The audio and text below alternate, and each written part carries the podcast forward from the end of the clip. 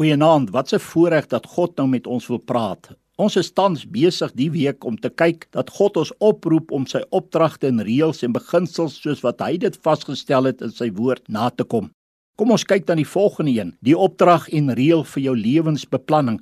Wanneer ons dan die gedeeltes kyk wat ek nou sal lees, dan besef ek dat ons kan nie ons lewens beplan sonder God se insaag in ons lewe nie.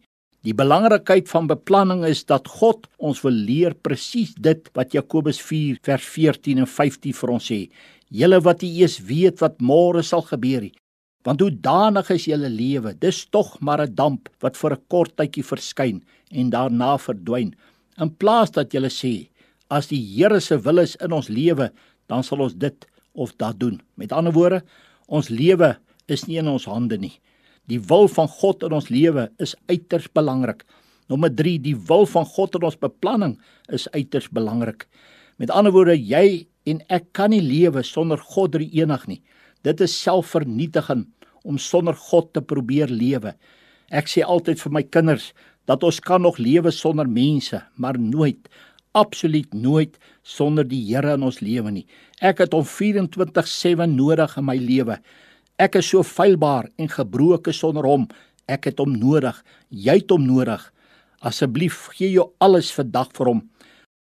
Ons kyk ook na die volgende een na die grens van die tong. Ons tonge maak ons of breek ons, gee ons lewe of dood, bring ons seën of vervloekinge. Met ons tong seën ons mense, bou ons mense op en ons breek hulle af en vernietig mense. En jy weet, jy maak ook ander seer met jou woorde. Waarom moet ons so agslaan op ons tong? Want ons het gelees dood en lewe is in die mag van die tong.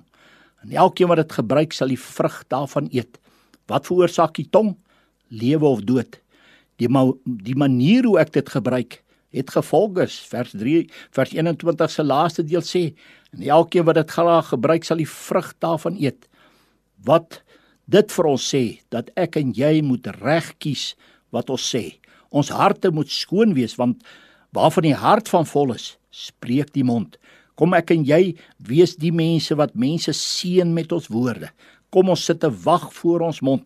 Kom ons vra die Here om ons harte skoon te maak dat ons mense sal wees wat die waarheid sal spreek.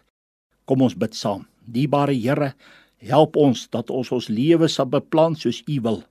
Maar help ons ook dat ons harte skoon sal wees, dat ons lewe sal spreek en ons tonge reg sal gebruik om U te verheerlik. Ons bid dit in die naam van Jesus Christus. Amen.